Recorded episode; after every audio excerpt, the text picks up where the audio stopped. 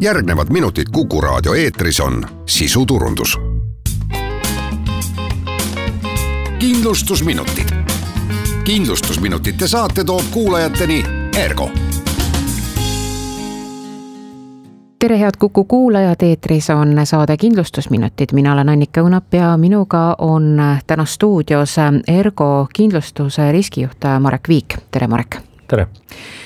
tänases saates me räägime, milliste tervisemurede korral aitab hädast välja mõni tervise- või ravikindlustus ja uurime sedagi, et miks näiteks isegi raha eest pole sageli võimalik endale osta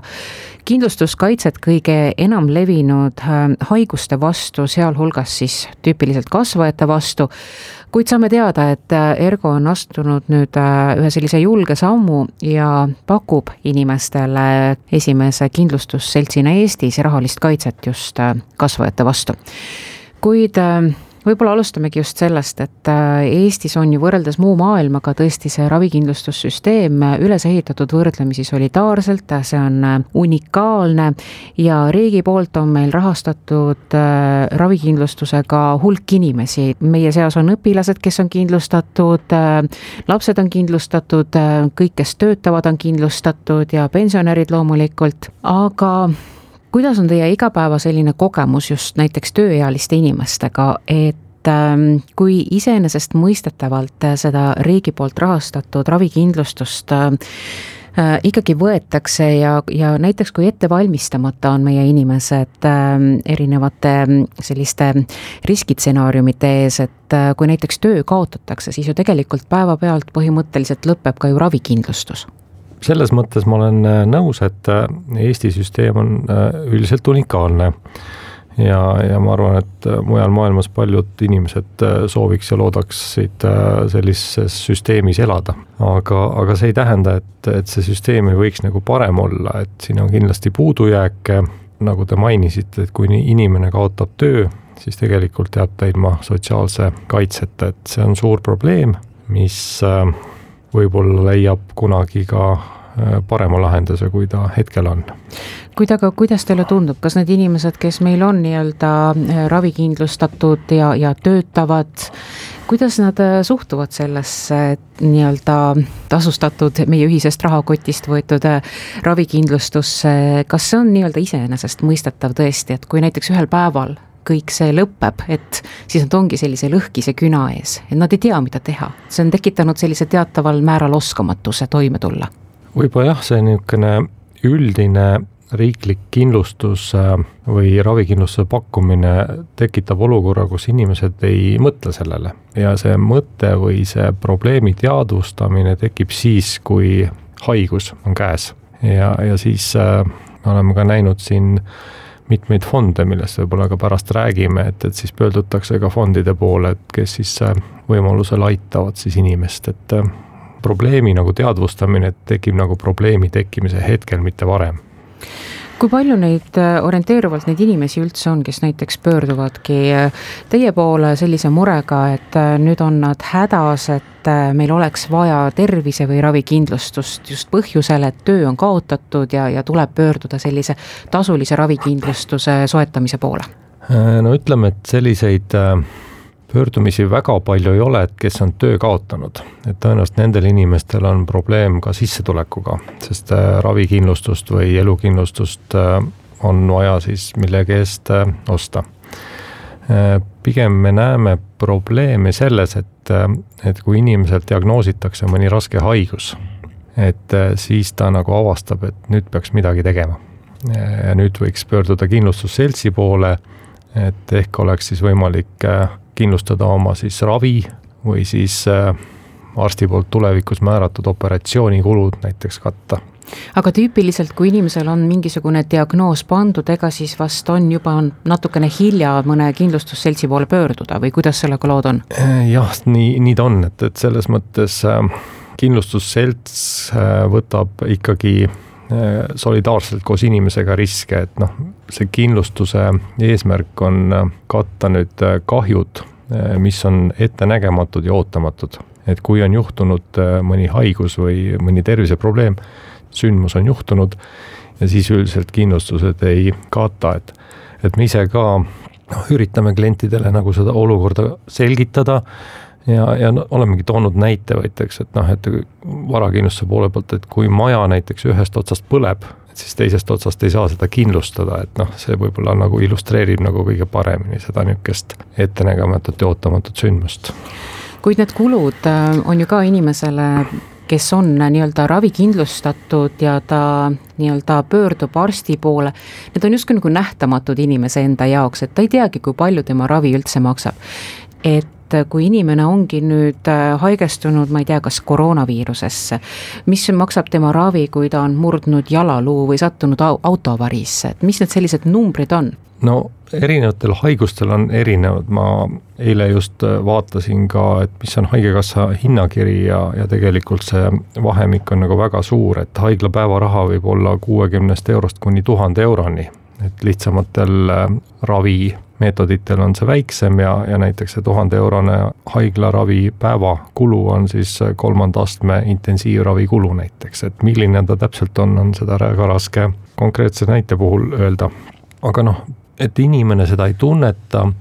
ongi nagu võib-olla põhjus selles, et paljudel juhtudel on see ilma oma vastutuseta või oma osaluseta, et inimene on haiglas, teda ravitakse, lahkub sealt äh, tervena või siis äh, mingisse taastusravisse ja temale jaoks nagu neid kulusid nagu ei kaasnegi. aga probleem tekib siis, et kui tal ei ole seda ravikindlustust ja talle siis üks päev arve esitatakse, et siis võib see olla väga suur üllatus. jah, kindlasti võtab see jalad nõrgaks, et äh, ühel tavalisel äh, eestimaalasel, keskmisel eestimaalasel ei ole võib-olla isegi nii palju sääste kõrvale pandud, kui siis arstiabi maksma on läinud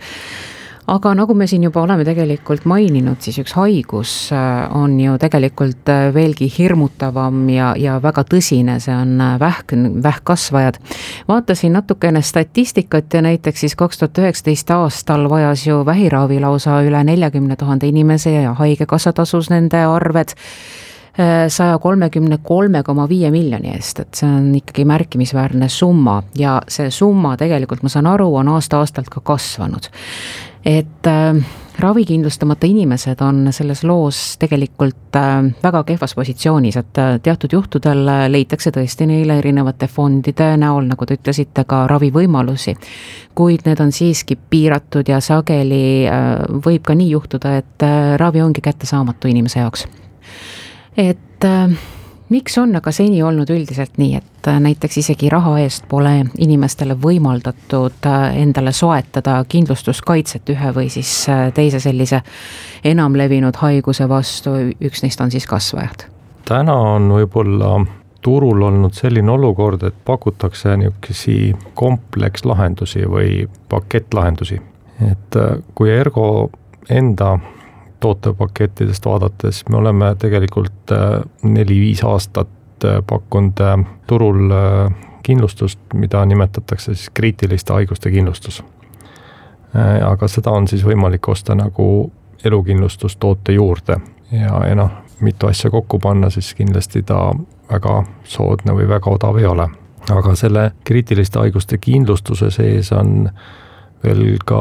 noh, lisaks sellele samale vähikindlustusele on ka siis muud äh, tõsised äh, haigused, näiteks äh, infarkt, insult, veresoonkonna haigused, et kui inimesed on nagu tahtnud vähikindlustust saada, siis ta on pidanud ostma natukene suurema kaitse või paketi. ja meie mõte oli selles, et see vähk on nagu väga selgelt ja otseselt eristatav niisugune terviseprobleem ja sellest ka räägitakse palju ja on need erinevad fondid, nii Hille Tänavsuu või ja, ja ka Tartu Ülikooli lastefond ja Eesti Vähiliit teeb siin ennetuskampaaniad, et et see on nagu väga selge risk, mida siis äh, palju räägitakse. Ja otsustasime, et teeksimegi niisuguse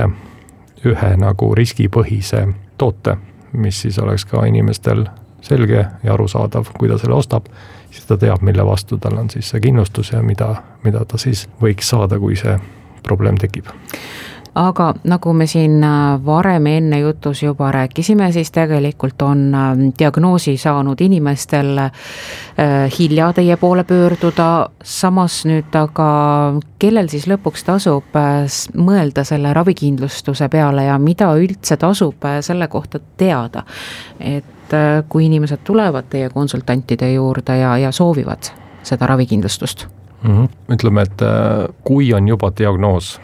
ja, ja inimest ravitakse, et siis on tõesti hilja teha nagu kindlustust ja me ei saa ka paljudel juhtudel siis enam ka kliendile soovitud lepingut pakkuda. aga noh, oluline on äh, võib-olla natukene varem mõelda neil selliste asjade peale, et, et ma olen äh, ka paljudel koolitustel ja, ja, ja klientidega suheldes rääkinud, et hästi oluline on teha see otsus või, või sõlmida eluravi või vähikindlustus äh, leping näiteks siis, kui veel ei ole ühtegi muret. et ei ole ühtegi terviseprobleemi ja, ja inimene on noor. kui me nüüd statistikat vaatame, siis mida vanemaks inimene jääb, seda rohkem on äh, terviseprobleeme, seda suurem on tõenäosus ka mõnda raskesse haigusse ja näiteks ka vähki haigestuda, et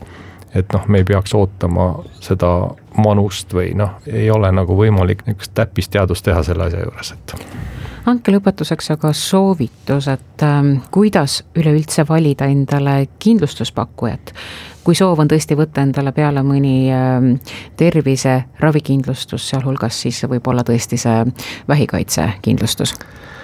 noh, minu pikaajaline kogemus elukindlustuse ja, ja, ja tervisekindlustuse teemadel on see, et, et no üks soovitus on, et äh, kui kõik kogutingimusi ei jõua läbi lugeda, et, et siis, siis oleks hea vaadata, et mis on kaitse ja, ja teine oluline punkt on, et, mis on siis välistused. et, et tavaliselt äh, vaadatakse ära see või loetakse läbi müügijutt, aga, aga neid välistusi nagu ei vaadata. ja, ja kuna meil on ka avalikud kalkulaatorid Ergo enda kodulehel, et, et siis on noh, seal võimalik ka ise kalkuleerida ja täita ka ära siis niinimetatud terviseküsimustik, mis,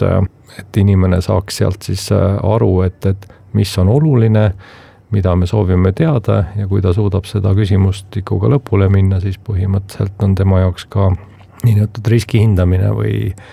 või meiepoolne pakkumine nagu tehtud. ja nüüd ta siis saab otsustada, et kas see on hea või ei ole. et iga kord võib-olla hinna poolt otsustada on natukene ma ütleksin võib-olla vale, et kõige odavam asi ei pruugi nagu olla kõige parem aitäh, palju jõudu, jaksu ja, ja tänan teid, äh, Marek Viik, Ergo kindlustuse riskijuht. aitäh. kindlustusminutid.